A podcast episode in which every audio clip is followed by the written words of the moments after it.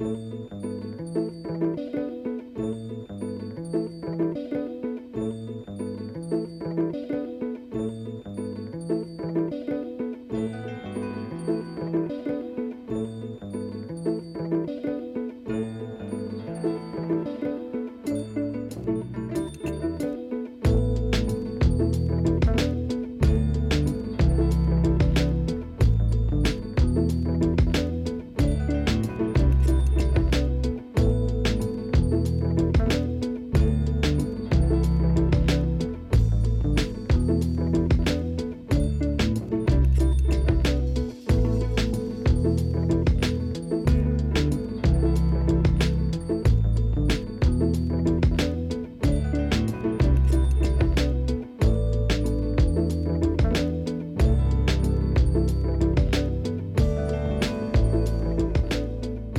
sælir, kæru lustendur Er ekki allir vaknaðir? Klukkan er umlega átta. Ég heiti Jón Olsson Mættur á Rás 2 hér. Og það var rólegt á gödunum Allir að hlusta auðvitað. Og uh, hér verður margt um Margt um fína drætti. Ekki fátt um fína drætti eins og yfirleitt er sagt. Þetta er margt um fína drætti. Uh, Ég ætla að spila hér alls konar músík milli 8 og 9 mest ellend en reyndir allir að byrja á íslensku lagi. En síðan milli 9 og 10 spila ég bara tónlist með íslenskum flytjandum og þar á meðal flytjanda er Bubbi nokkur Mortens. Uh, ég greið með mér vínilblötu úr enga safni og það er platan Dögun sem kom út árið 1987 glæsileg útgáfa e, frá gramminu ef mér misminnir ekki. Og ég ætla að kíkja á blödu dóma og, og rifja eins upp þennan tíma þegar að e, dögun Bubba Mortens kom út. En e, við skulum hætta að bladra í billi og fá fyrsta lag þáttarins af stað. Þetta lag er með Ellen Kristjánsdóttur og er svona country lag. Og þetta fer henni mjög vel ég held hún að hafa öruglega unnið þetta með Petri Benediksinni og þetta lag heitir Liljurós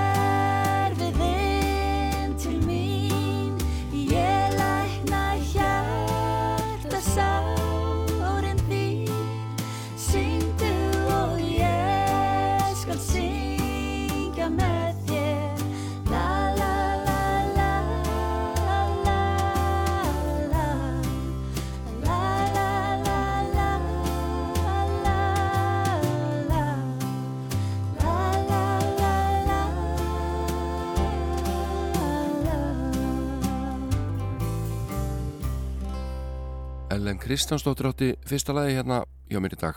Þetta er Liljurós uh, eh, Mirjam Makeba er uh, og var merkileg tónlistakona hún er frá og var frá Suður Afríku uh, flutti til bandarækjana flúði aðskilnaðastefnuna í Suður Afríku og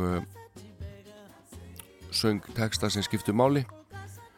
Hún sagðist sjálf ekki vera pólitísk hún segði bara sannleikan það sem hún uppliði sem blökku kona í Suður Afríku eftir að aðskilnarstefnin laug þá flutt hún aftur til Suður Afríku stórkusleg kona og fyrirmynd. Hún lest á sviði árið 2008 76 ára gömul og síðasta lægi sem hún söng áður en að hún fjall er einmitt þetta lag, hennar vinsalasta lag Pata Pata, þetta er Mirjam Makeba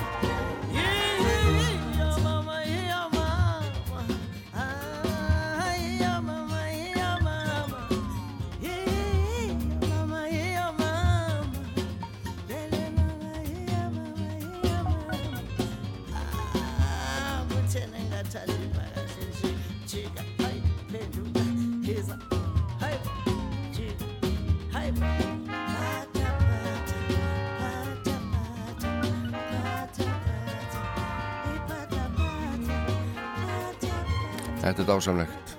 Pata Pata, Mirjam Makeba, hinn söðurafríska sem lést 1976 og þetta var síðasta lagi sem hún söng á tónleikum áður hún fjall niður og lést 76 ára komin eins og ég segi. En uh, árið 1973 kom út hljónplata sem heitir Inner Visions með Stevie Wonder. Þannig er hann 23 ára gammal og hlustuði nú þetta var 16. stúdioplata Stevie Wonder. 23 ára gammal þá var hann búin að gefa út 16 breyðskýfur og gera aðri betur. En eh, við getum útskýrt þetta auðvitað á þann hátt að hann var barnastjarnar og byrjaði mjög snemma og var gríðarlega afkasta mikill og eh, þetta lag sem ég valdi hérna heitir All in Love is Fair og uh, Stevie spilar á piano ramaspíano líka og trommalæð en uh, let Scott Edwards um bassaleikin All is fair in love. Love's a crazy game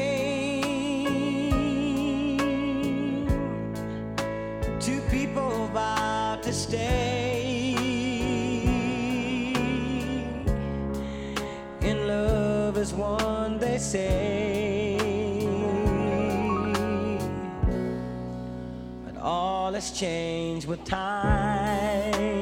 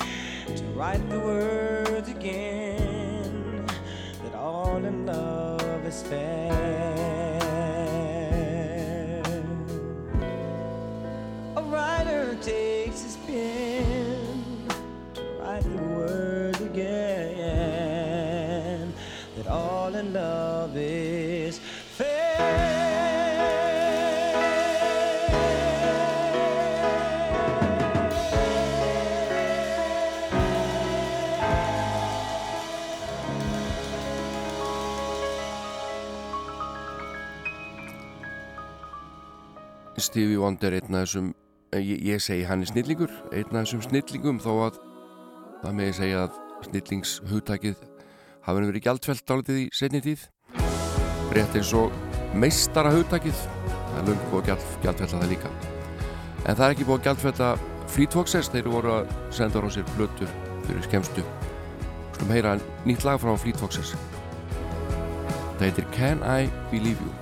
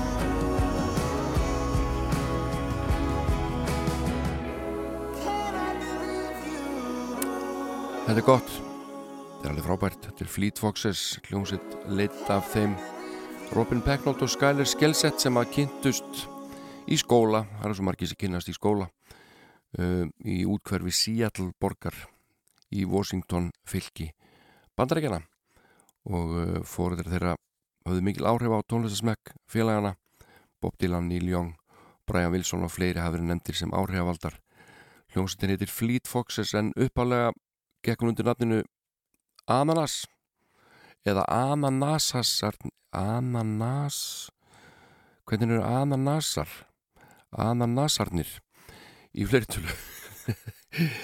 The Pineapples en það var önnur hljómsveit sem að barið samanab þannig að þeir breyti þessu í Fleet Foxes. En þá slúið við heyra lag sem að var rosalega vinsælt fyrir rosalega mörgum árum með duett sem að kallaði sig Marshall Hain eða ekki? Julian Marshall hljómbásleikari og hún uh, hvað heitir hún aftur? Söngona Kit Hain spilar á bassa og syngur og var síðan mikilvirkur lagahöfundur. Uh, þessi duett Marshall Hain hann lifði nú bara í skamma tíma 1-2 ár. En þetta lag var vinsalt Dancing in the City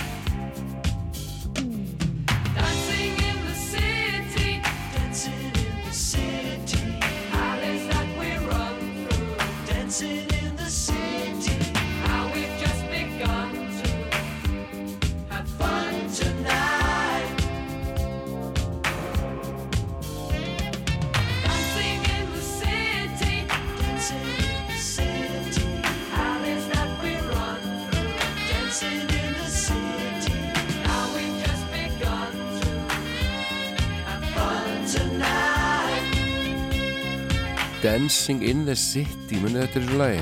Þetta kom út 1978 þá er ég 15 ára og þá var maður að hlusta á eitt og annað. Punk tónlist og disco á sama tíma. Þetta var náttúrulega mjög áhugaverðir tímar í tónlistinni. En eh, hljónstinn Stöðmenn hefur afreikað meira heldur en flestar íslenska sveitir hér á heima allavega og úti líka uh, hljómblutur sveitarnar kom á þriðja tug talsins og uh, hún er að gera bíómyndir og bækur og hafa búið að gera söngleiki eftir músikinu þeirra og, og hvernig þið gruna að þetta þessi græskulösa uppákoma þeirra á ásáttíð í mentarskólum við Hamralið árið 1970 myndi leiða þetta allt af sér en, en hljómsettin er nú 50 spáið það? Þetta er alveg með ólíkjendum en uh, Stöðmenn fór til Kína og hefði talað um það að þeir hafi verið önnur vestrana sveitin sem að þanga fór til að spila á eftir hljónstinni VAM. Þetta var árið 1986 og uh, hljónstin kallaði sig strax og að gera mér þess að heimildamind um þetta eðlilega. Þetta er ekkit svona já, þetta er ekkit svona daglegt brauð að, að, að vestrænar hvað þá íslenskan hljómsveitir farið til Kína en, en síðan hafa nú nokkur fetað í þeirra fótspor veit ég. Hefur ekki að heyra eitt lag með stuðmönuð frá þeim tíma þeirri kölluð sig strax í kringu þessa kínaferð og uh, sungu á ennsku og það koma nokkur ansi góð lög út á þessum tíma frá sveitinni eins og allatíð reyndar og þetta er eitt er að heiti Look Me In The Eye.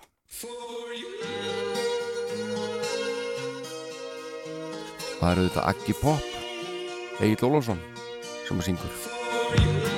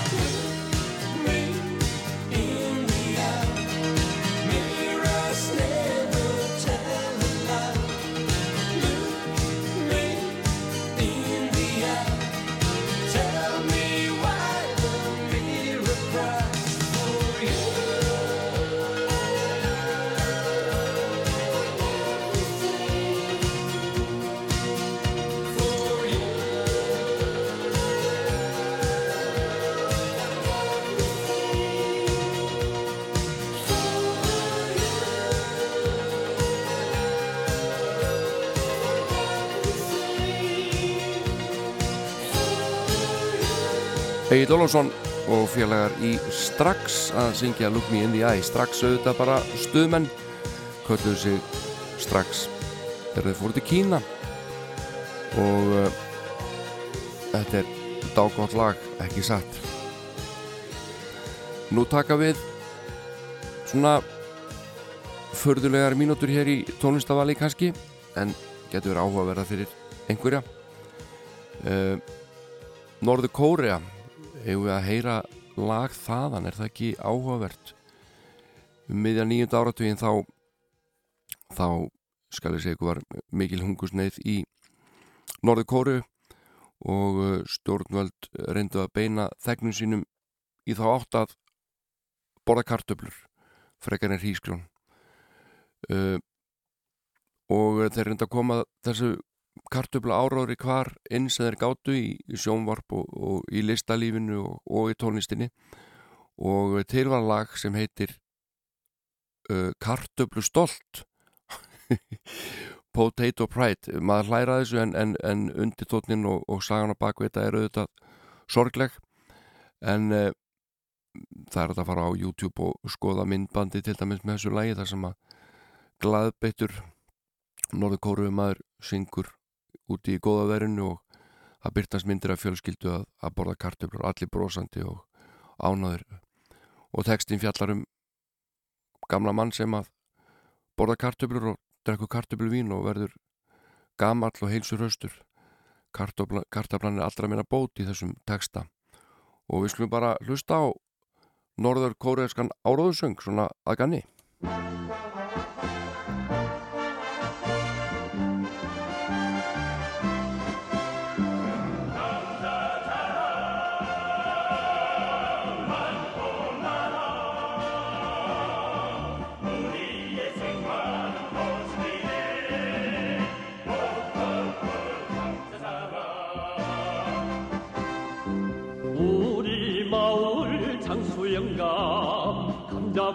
받은 날에 생일상을 차려놓고 동네방네 정했다오 짤깃짤깃 감자떡에 농마국수 맛 좋은 꽈배기에 감자지짐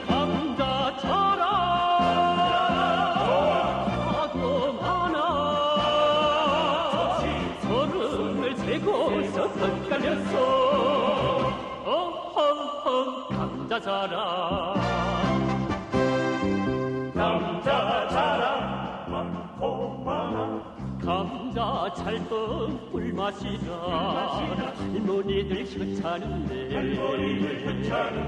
아이들은 들락날락 감자엿이 제일이에 많이 들고 장수하소 장수영감 감자 술잔 피우면서 하는 말이 Jú, þið er það hlustar ástöðu, ég er bara aðeins að leiða ykkur heyra músík frá Norður Kóru, slagið á.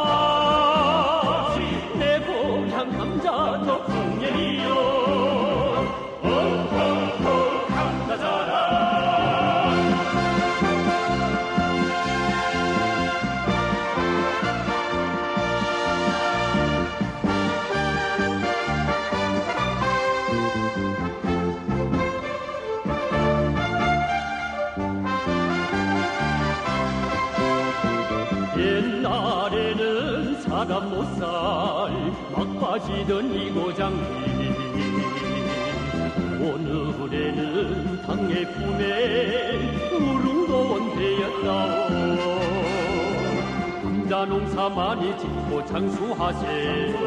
아들 딸도 많이 낳아을 보세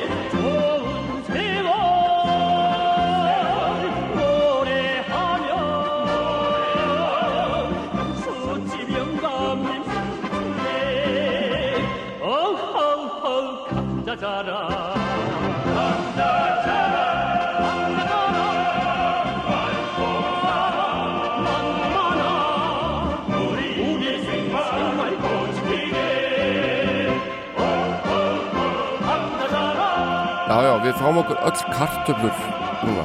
Þetta var lagi, po Þetta var lagi Potato Pride frá Norður Kóru og uh, það er alltaf bara einn listamæður sem getur komið í, í kjölfarið. Það er hún Mrs. Miller, vinkona mín, sem að gerir hér Yellow Submarine að sínu bílalagi góða. Verði ykkur að góðu?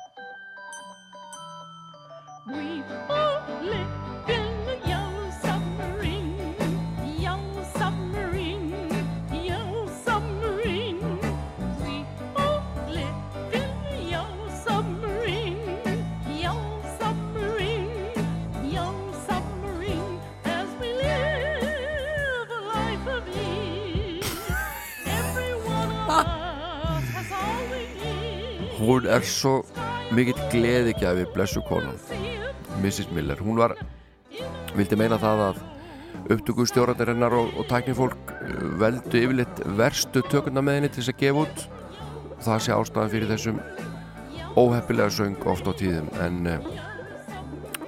jújú, jú, ég var alveg til að heyra svo sem betri tökur en, en ég held að að listrænt val uh, upptökustjórana hafi verið alveg hár rétt í þessu tilfelli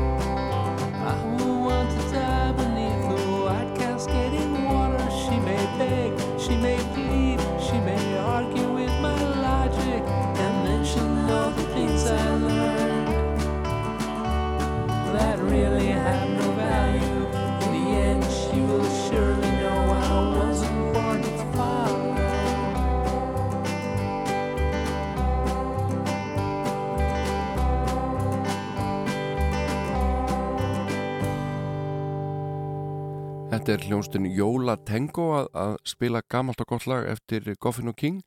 Carol King og Jerry Goffin þau voru nú hjón um hríð minni mig.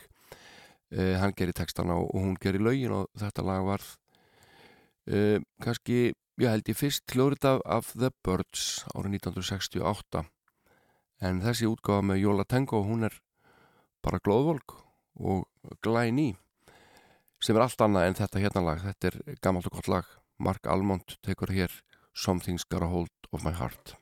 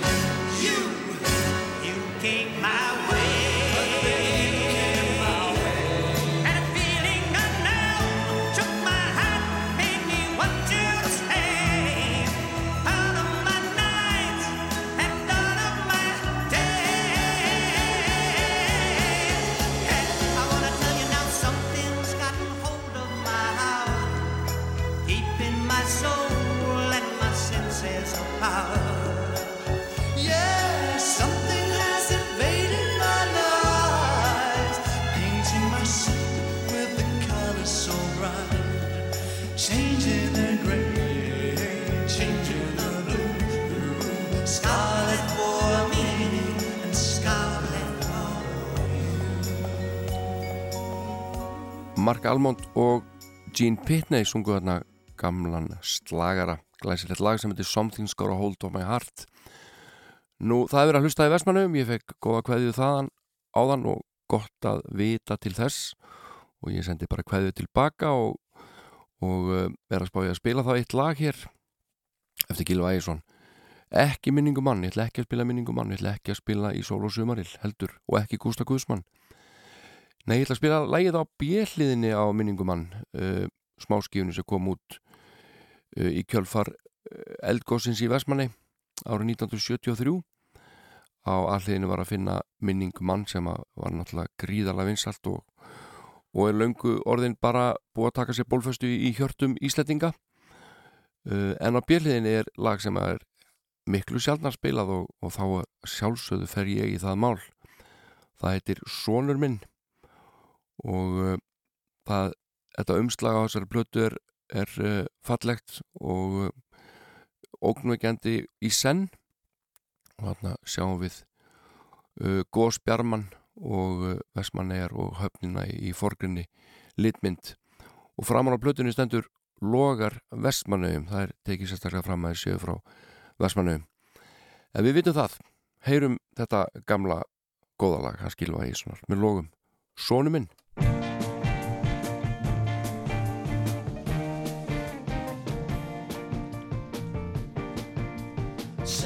Sestu nú sonur minn hérna hjá mér. Hjá mömmu er hýlur Ég rugga skal þér. Ég þerra skal tárin og kissa á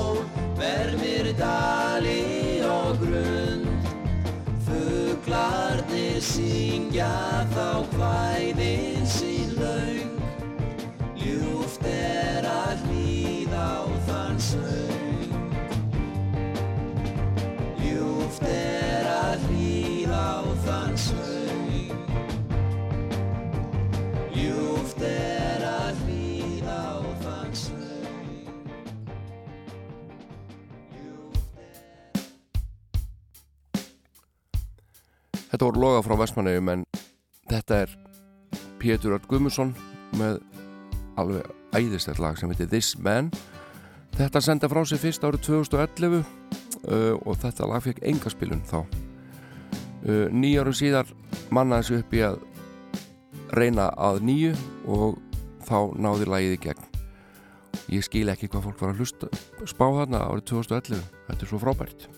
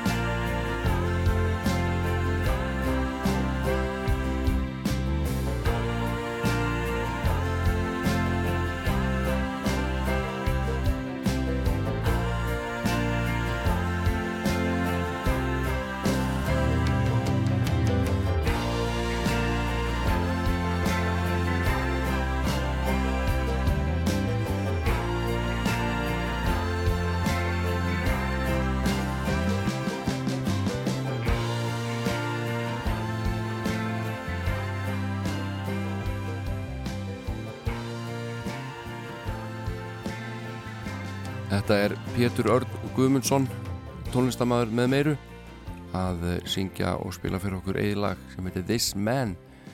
Þetta senda frá sér árið 2011 fyrst, en eh, lægið hlaut engan hljómgrunn þá og útastöðunar virtust ekki að mikið áhuga á að spila þetta lag. Hann eh, reyndi aftur nýjarum síðar og vitimenn Þetta lag var spilað bara núna rétt í þessu og ég hef spilað þetta áður í mínum þáttum.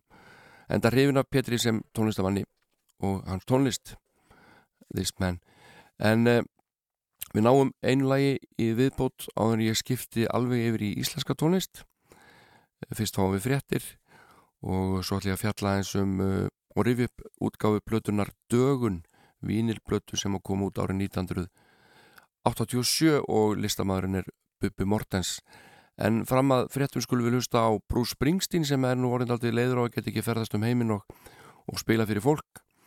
Hann segist að fann að reskjast og, og sjá ekkit endilega fram á hann geti gert þetta mjög mörg ári viðbót og þess vegna finnst honum þetta COVID fyrirbæri orðið ansi fyrirferða mikið og farið að hafa ómikið áhrif á hans feril og ég getum bara tekið þetta undir þetta hérna sem íslenskur tónlistamæður en heyrum Letter to You með Bruce Springsteen nýlegt lag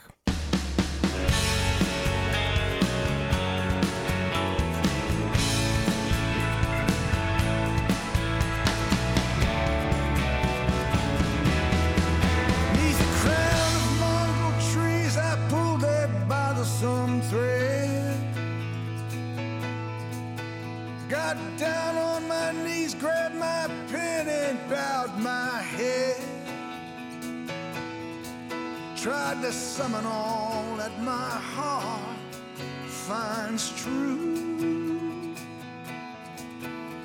and send it in my letter to you.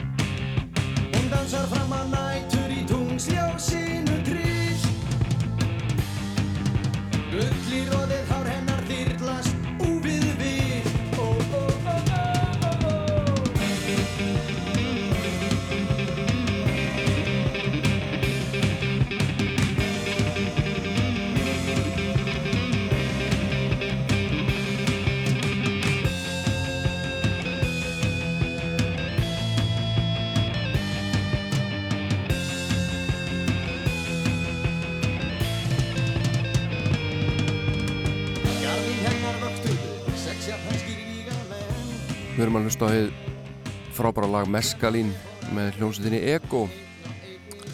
Lag af hljómsveitinni í mynd. Uh, Bubi Mortens syngur þarna og hann er hér til umfjöldunar næstu mínútunar vegna þess að uh, ég tók með mér blötuð heimann sem að heitir Dögun og kom út árið 1987 og uh, þetta er glæsil útgáfa. Verulega mikið vanda til þessarar útgáfu á sínu tíma. Og uh, Bubbi tilengar þessa blötu Amnesty International. Af því að þegar platan kemur út þá eru 40 ár liðin frá undirritun mannréttinda yfirlýsingar saminuðu þjóðana og uh, þessi plata fekk almennt mjög góða dóma. Kom í kjölfarið á annari blötu sem kom út 1986 og heitir Frelsi til sölu svo plata seldist í bílförmum uh, var komin í 17.000 eintök um það bíl þegar að dögun kom út. Og uh, Bubbi var ábyrjandi í fjölmjölum á þessum tíma það var, var ekki, ekkit vandamál að finna viðtöl og, og fleira. Og uh, ég held að þetta bara setja þessa fínu plötu í gang og það er hlið A sem verður fyrir valinu. Og fyrsta lagið þekkjum öll heitir Frelsarans slóð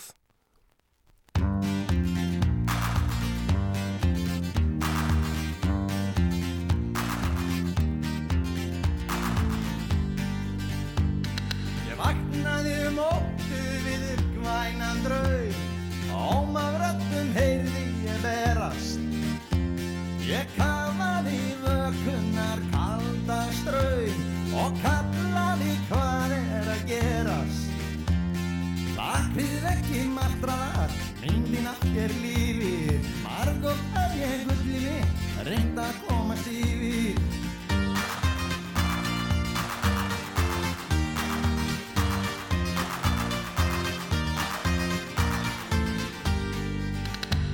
Þú efar sjálf þær sögur enn að sagan geimi svo vonda menn sem ástina blekkja og sólina særa sístir maður þar þú enn að læra. Bak við vekki martraðar myndina er lífir margótt að ég gulli mig reynd að komast yfir.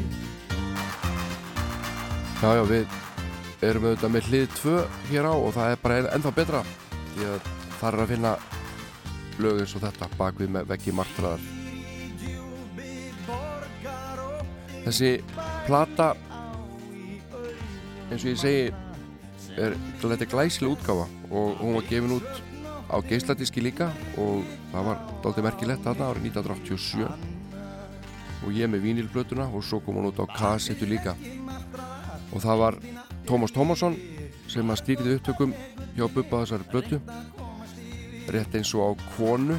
Og uh, þessi plata er kannski svona líkust þeirri blötu ef einhverri uh, en samt eru þarna uh, element inni sem að við getum tengt beint við Áskil Óskarsson slafisleikara og Tómas.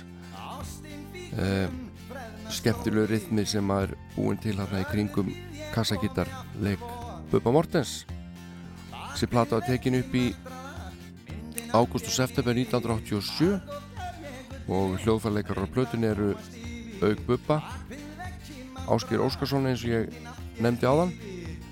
Eh, Tómas Tómasson spilur á bassa á hljómborð. Þorstein Magnússon á rafgítar.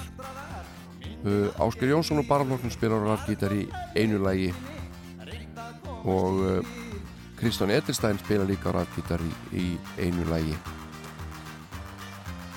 en þetta er sem sagt fyrsta lag á hlið 2 bak við veggi martraðar. Og uh, lag nr. 2 kemur hér bara núna alveg innanskams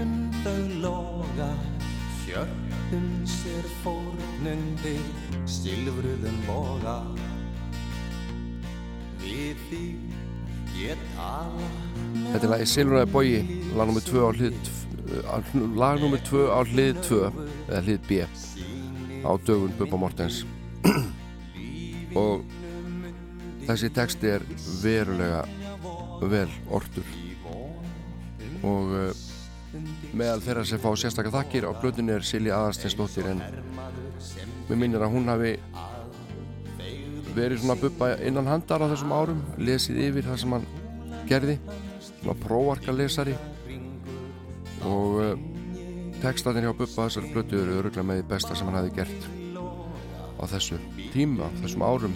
Hann er búin að vera í sjö ár svona frá því hann gaf út. Og þau spurðir einu viðtali hvort hann sé orðin gamall maður. Og hann segir nei ég er sjö ára í tónlistinni en mér finnst ég ekki vera gamall. Ég hef séð menn vera gamla á einu ári segir hann annars er skipti máli er að halda sinu striki sama hverjar undirtektirnar verða. Og við getum alveg öll stað fyrir stað að Bubbi hefur haldið sínu striki allar alla tíð. Dagarnir mínir dauðir líða Dabrir eftir ástinni Þurfum að býða Í hjarta mitt sem hamast toga Hún blá augundir Silfruðum moga Ef í regninu elskendur þetta umslag er er þetta gott. Það er mynd að Bubba auðvitað framan á. Og uh, þetta er það er svona hvað maður að segja létt brútt litur og svart og gilt. Þetta er svona helstu litinni framan á. Og Bubbi stuttliftur og ljósarður þarna. Síðan aftan á er eigum við að segja vísitölu fjölskyldan að horfa saman á sjóarpið en uh, inn í stofu hjá þeim er einnig uh, kona að drekka rauðvin heldur sér í súlu er í netsokkaböksum og í svona hál, hálgjörðum fjallkonu búningi samt ekki alveg. Þetta er mjög áhugavert umslag. En lagnum við þrjú fer hún í gang hérna á hlið 2 á dögun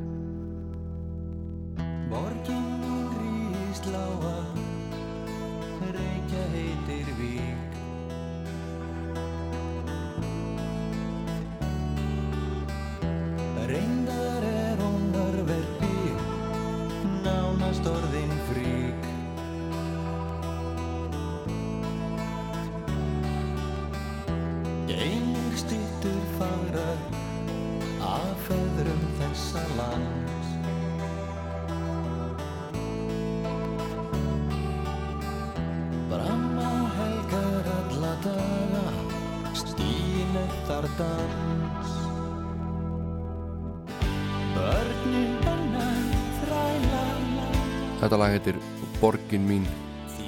Lagnum við þrjú á hlið 2 á dögun Bubba Mortens.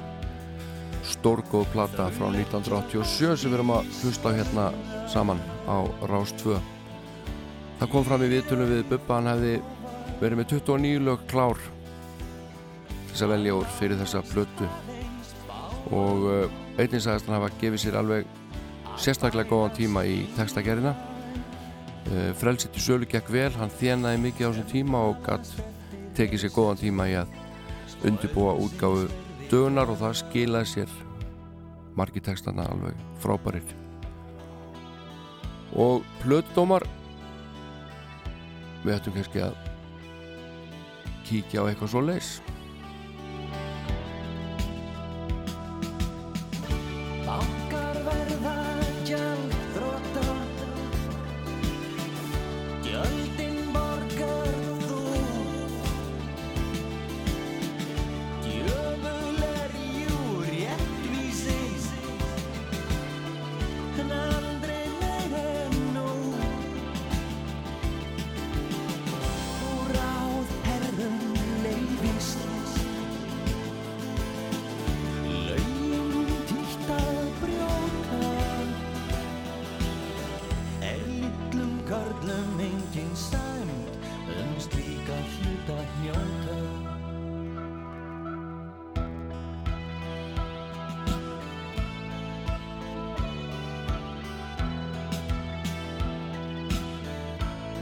Þorstein Jóð Viljánsson skrifaði stuttan, mjög stuttan dóm í Devaf 1. desember 1987 og segir svo í þessum dómi fyrirsögnin er stutt og laggóð og síðan segir Þorstein Þetta er áræðilegin allra styrsta plötugagrinni sem byrst hefur ofinbeglega. Ástæðan að vera að bera í bakkafullan Bubbu hefur verið spurður spjörunum úr í útvarpi og blöðum. Nýja platan hefur þegar selst í þúsundum eintaka. Lög af aðlið hennar heyrast daglega í viðtakjum landsmanna. Útskýring Bubbi er sá vinsalasti. Hér breðala sér í hlutverk rockarans og trúbátorsins og er trúr hvoru tvekja. Hann er öryggið uppmálað enda sildar en flestir í jólaplötu flóðinu. Stórgott, fleiri orðir óþörf, þetta er meðsölu platan í ár, segir Þórstíðn Jó Viljánsson.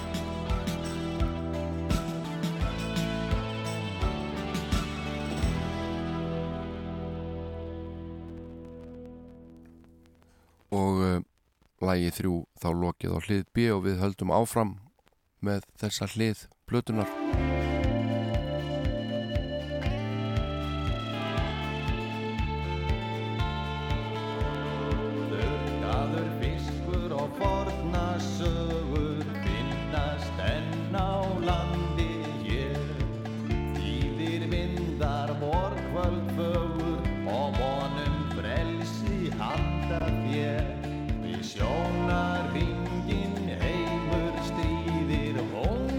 Heitir Menning. Og uh, annar plötudómur sem ég ætla að vitna í hann var að finna í og er að finna í helgarpostinum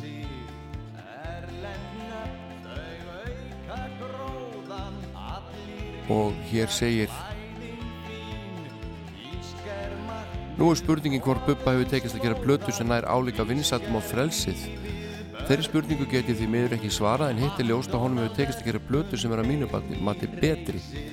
Mannum verður fljótlega ljóst þegar að fara er að hlusta þessa skífu að vanda hefur verið til hennar á alla lund.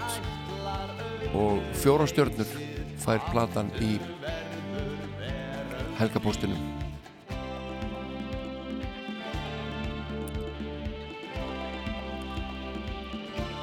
En uh, gaggrinandi segir líka en það er nú ekki bara allt gull og græni skóar það er eitt atriði sem ég er ósáttu við hvað þessa blötu varðar. Það er pródusjónin á henni. Maðurinn á bakvið hana er Tómas Tómasson og vissulega hefur hann náð tærum hljómi og vissulega hljómar þetta allt slett og felt og það er einmitt vandamálið. Platan er eftir vill of slett og felt því miðað, því miðað við það efni sem bubbuð hér í höndum hefði geta orðið um átaka meira verk að ræða Það vantar á stundum meira jarðsamband og minna þessum slíkukenda tomma hljómi. Já, þetta var svona, Bubbi var alltaf dálítið umtildur, einhverju vildu fá harðari Bubba og aðri vildu mjúkan Bubba, en hann gerði þetta bara sem honum síndist og þessi plata hljómar alveg rosalega vel. Og uh, menn geta deilt um hvort að þetta eldist allt endilega vel, þessi hljómur, en, en það er ekkert að þú setja út á út á hljóminn sjálfan. Bara.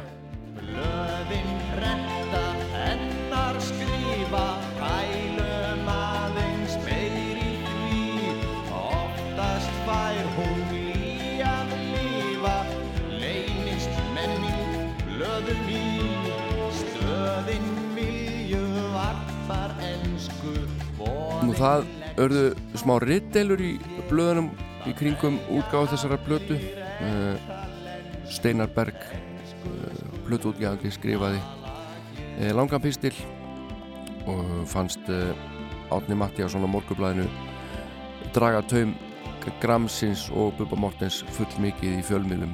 Og víst er að Bubbi var fyrirferða mikill í kringum þessa blötu en að samanskapi vinsalasti listamæður landsins og Átni Matt hann svaraði steinari og skrifaði líka langan pistil og, og, og varði sig þar.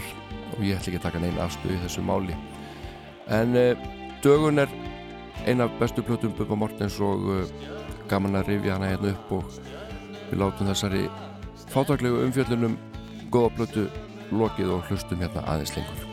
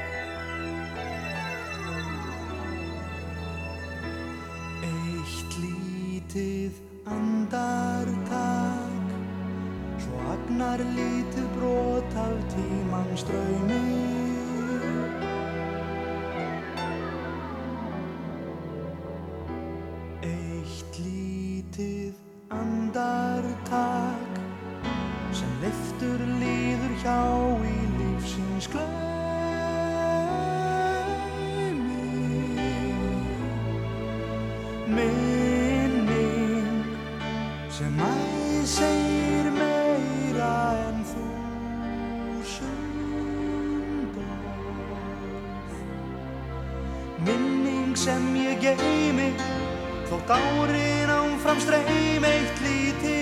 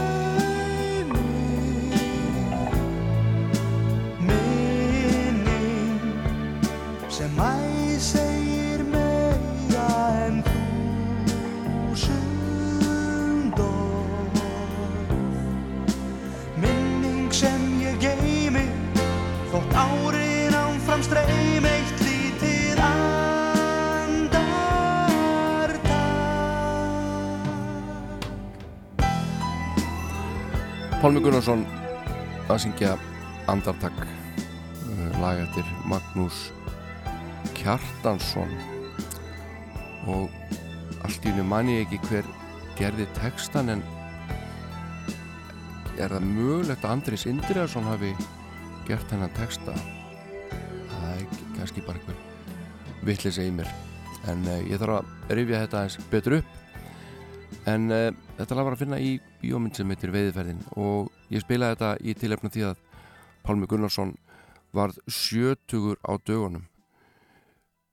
Sko þegar ég var krakki og, heyrði að einhver var í sjötugur og, og sá framann í sjötuga mann þá hugsaði bara að þessi maður er hann á ekki mikið eftir. En sjáuði Pálmi Gunnarsson hann er eins og unglingur kvikur og uh, neglir bassan syngur lögin ennþá í uppröðunum tóntöðundum alveg magnaður og eins og segir í lægi sem að Magnús Leiflússon bjóð til ekki dauðir enn.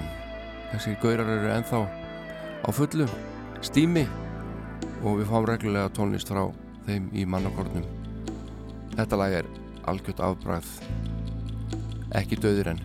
Pálmi Gunnarsson syngur 70. 29. september síðastlið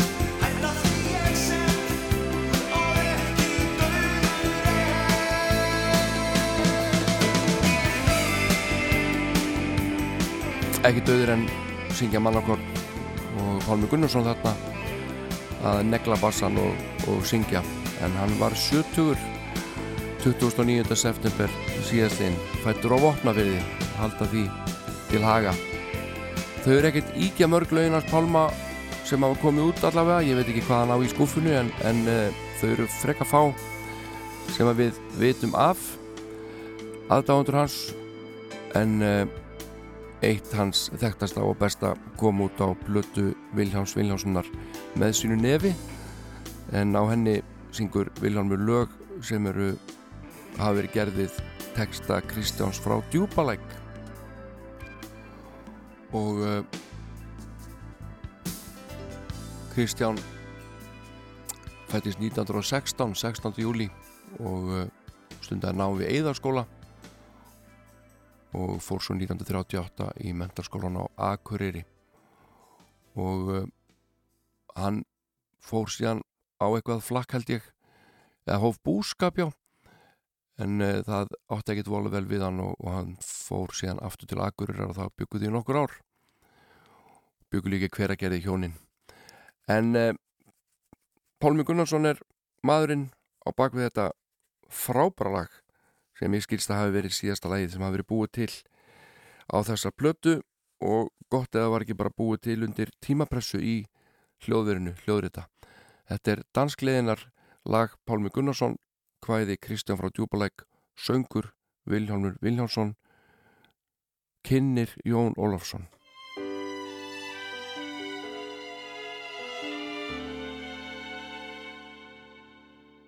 Það er svo margt að una við, að elska þrá og gleðjast við, jamt orð sem þögn og lit sem lag, jamt langa nótt sem bjartan dag.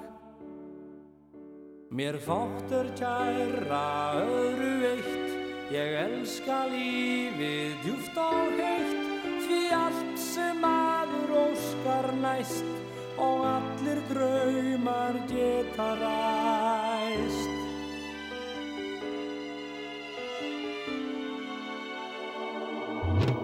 Ég byggi hlátra heima í húmi langrar nætur Að söfni upp í söngvahug með sól ég rís á fætur og augun gisla gleði sem grær í mínu hjarta. En syrti að ég syng mig inn í sólskins veröld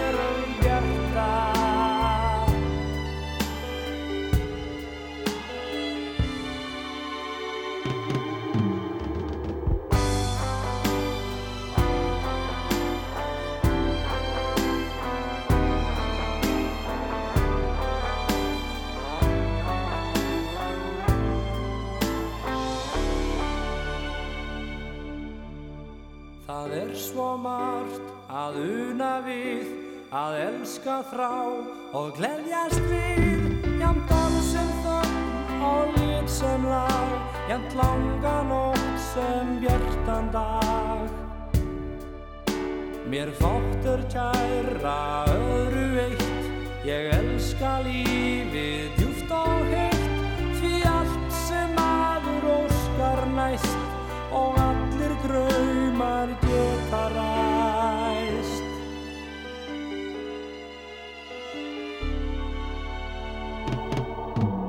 byggi hlátra heima í húmi langrar nætur.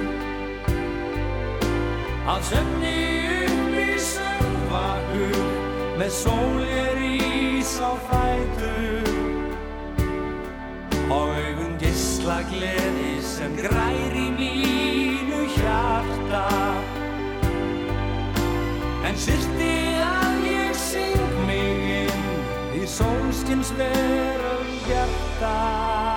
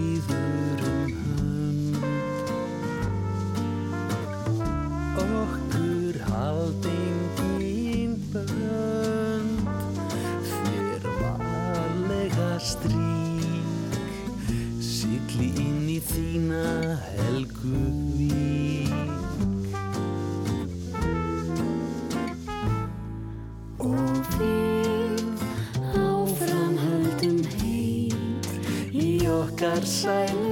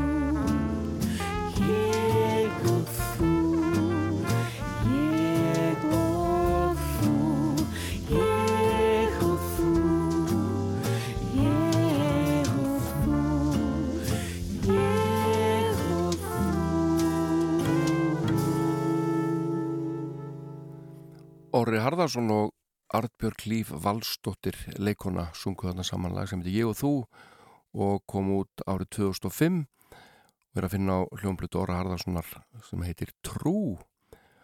Og uh, það var svona svolítið svona skandinavíst uh, vísnabopp uh, uh, frá Orri Harðarsinni þarna.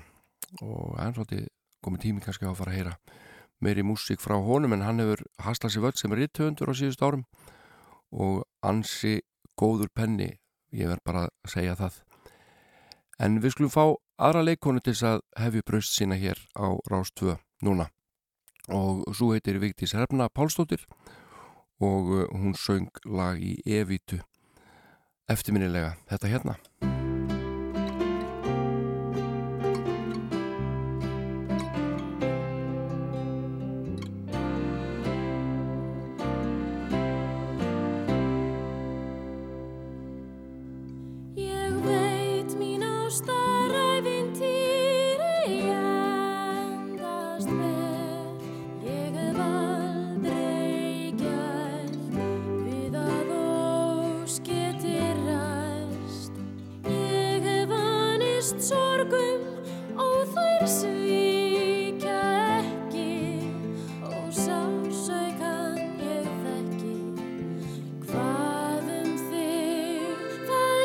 Gerist nú?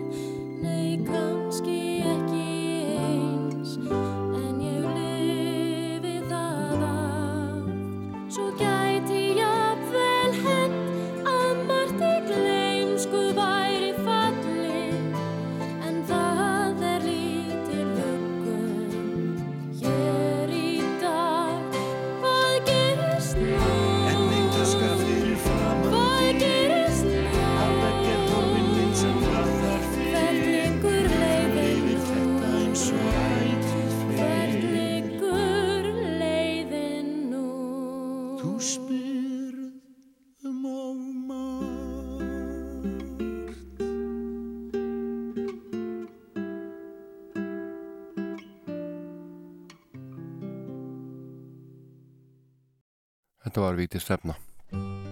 Að syngja lagur evitu hvert leikur leið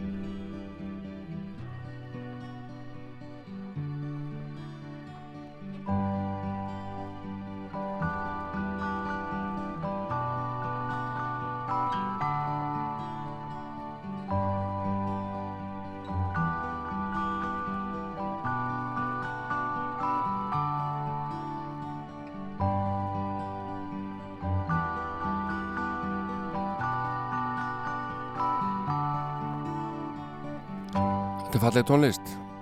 Þetta er bérliðin á Jaketi Jak smáskífunni. Hljónstinn Chains, Magnús Stóru og Jóhann Helgason syngja When the Morning Comes. Fallegur þessi lokakabli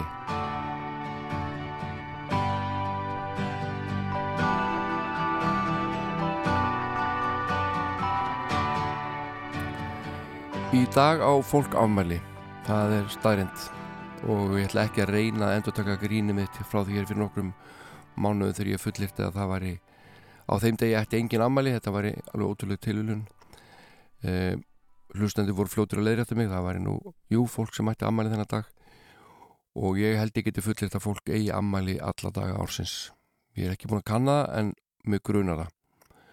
Nú meðal ammælisbarna í dag eru Anna Margret Marnustóttir bóka útgefandi og Róbert Vestmann aðtapnamaður Stefán Þór Ingvarsson knasputnu stjarnar frá Ólasvík nú stjórnmálamæðurinn og, og handbólta konan og fyrrum dómarinn Þorgeru Katrin Gunnarsdóttir á Amali líka og Rafnildur Karlsdóttir sem að sumir þekki frá Hotel Kea á Akureyri, hún á líka Amali Helgi Jó, Fridrik Ómar söngvari hann á Amali, Áski Stengurisson trompetleikari, Lili Alfredsdóttir fréttamaðurinn Ólurún Skúladóttir tónlistamæður Lára Rúnastóttir og svo mátti lengi telja alveg hellingur amalispötnum og þau fá að sjálfsögðu uh, að heyra hér bestu útgafu bandaríska amalisöngsins sem hefur verið hljóðrituð og uh, ég er endalust þakklátur Mrs. Miller fyrir þessa upptöku Happy birthday to you. Happy birthday to you. Happy birthday, happy birthday. Happy birthday to you. Já, þetta er fallega sungið og, og uh, það er ólíklegt að þau hafi verið í sama landi píjónleikarinn og söngkona þegar þau fluttu þetta lag tímamismuninu var það mikill En hér er að Tollefsson að syngja lagið um Hárfinn Hárfinna eftir Ólaf Haug Simonsson Hann klippir sundur og hann klippir saman, hann klippir að því honum finnst það gaman. Hann klippir í austur, hann klippir í vestur, hann hárfinnur, hann er lang, lang bestur. Hann klippir konur og hann klippir kalla, hann klippir alla og hann stoppar alla. Hárfinnur, hárfinni, hann er bæjarins allra, allra mest snirtifinni. Hann er ótrúlega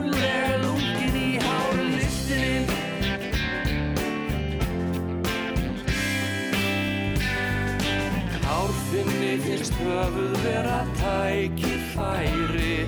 Hann gerir ekki mannamun. Hver sem þú ert Hans kikk er að fara á kostunum með greið og skæri. Hann kallar á þig, sækir þig um strætið þvert. Klippir á daginn, klippir mætur hann, klippir hlæjandi og þegar hann grætur hann Klippir saltur og hann, klippir svangur og hann, klippir hóð sér þryggja metra langur og hann Klippir á Dalvík og hann, klippir í eigum og hann, klippir unga bötti kúk og fiss í flegum Hárfinnur, hárfinni, hann er bæjarins allra, allra mest snirtifinni Hann er ótrúlega lungin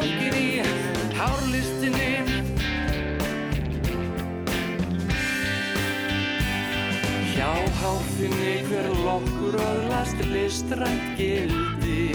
Hann laðar fram það best í þér hver sem þú ert. Höfuðlægið nálgast hann af næmri mildi. Næstum eins og höfuðleðri sé alls verð Hann getur ekki alls því gert. Já, hann klippir upp svo, klippir hann niður, hann klippir alltaf, það er fríður, hann klippir í blöðin, hann klippir í bækur, hann klippir í svefni, það er orðin kækur, klippir stjörnur og hann klippir sólir, hann klippir þig þó þú æfir og gólir. Hárfinnur, hárfinni, hann er bæjarins allra, allra mest snirtifinni, hann er ótrúlega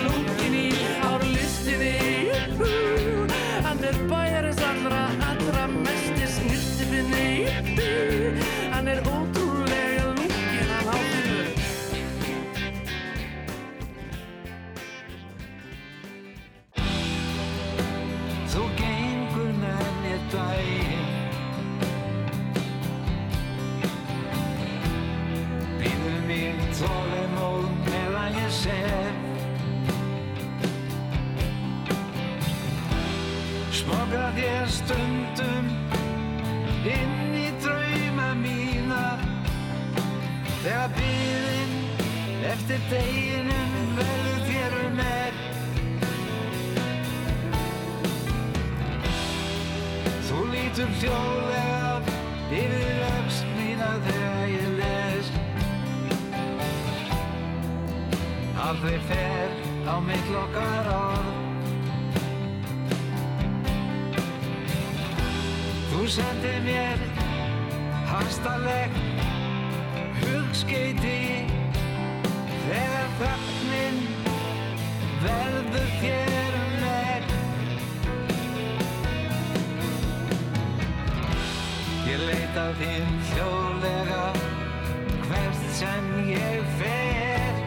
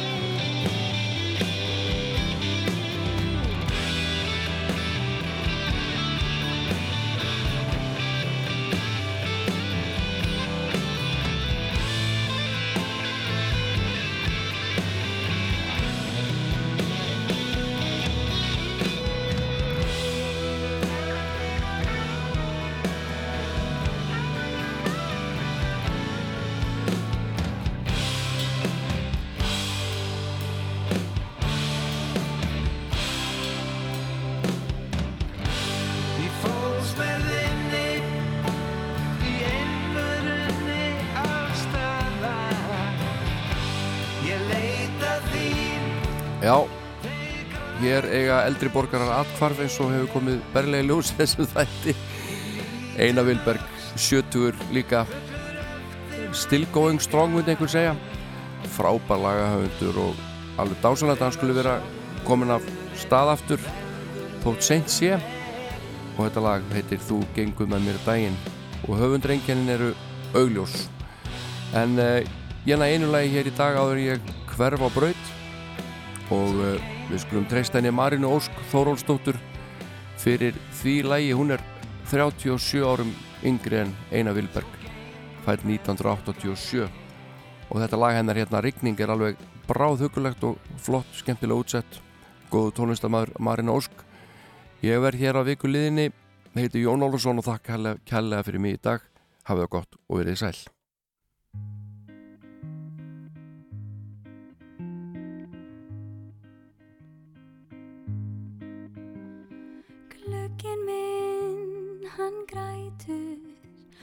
og grætur og tárin hans renna.